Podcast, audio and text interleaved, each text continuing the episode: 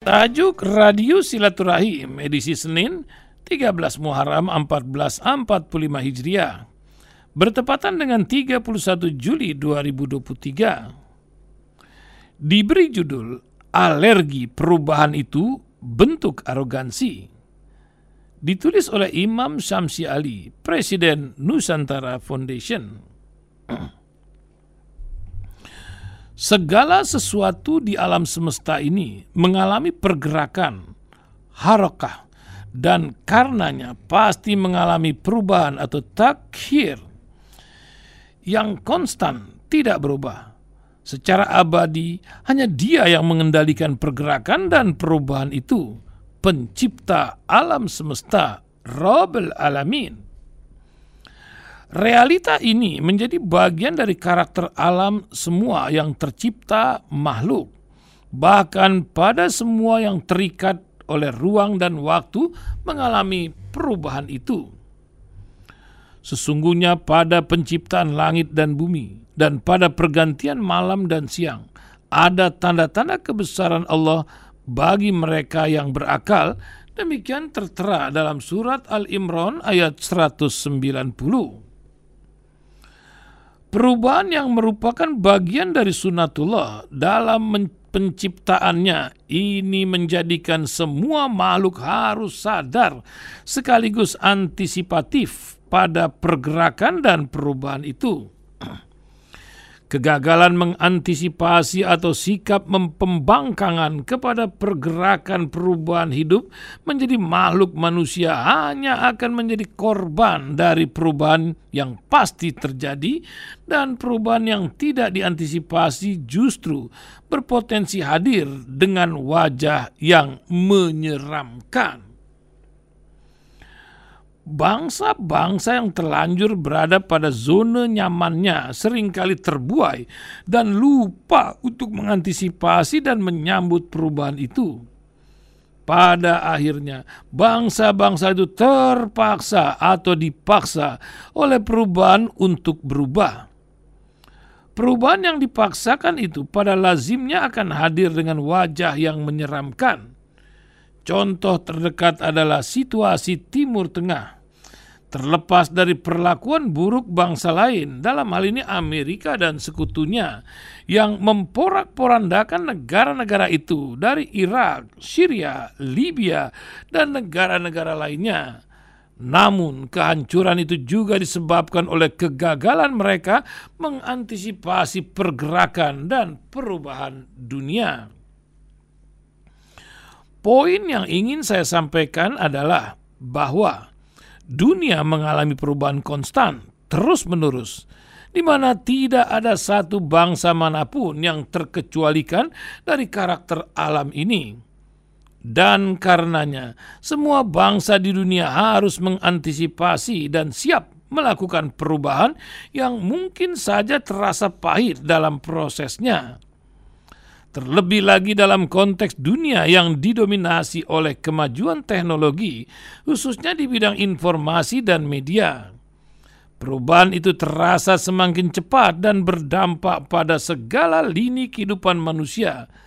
Perubahan itu kerap begitu cepat dan sangat dahsyat berdampak pada karakter mereka, baik secara individu maupun kolektif. Manusia yang tidak sabar tidak sadar perubahan pada umumnya terperangkap dalam beberapa posibilitas. Kemungkinan terperangkap pada zona nyaman yang terbingkai oleh kepentingan tertentu.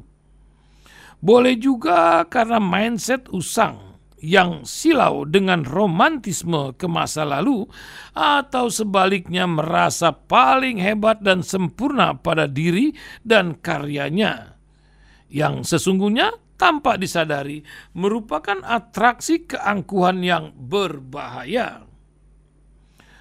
Perubahan merupakan ikhtiar untuk membawa perbaikan dan penyempurnaan.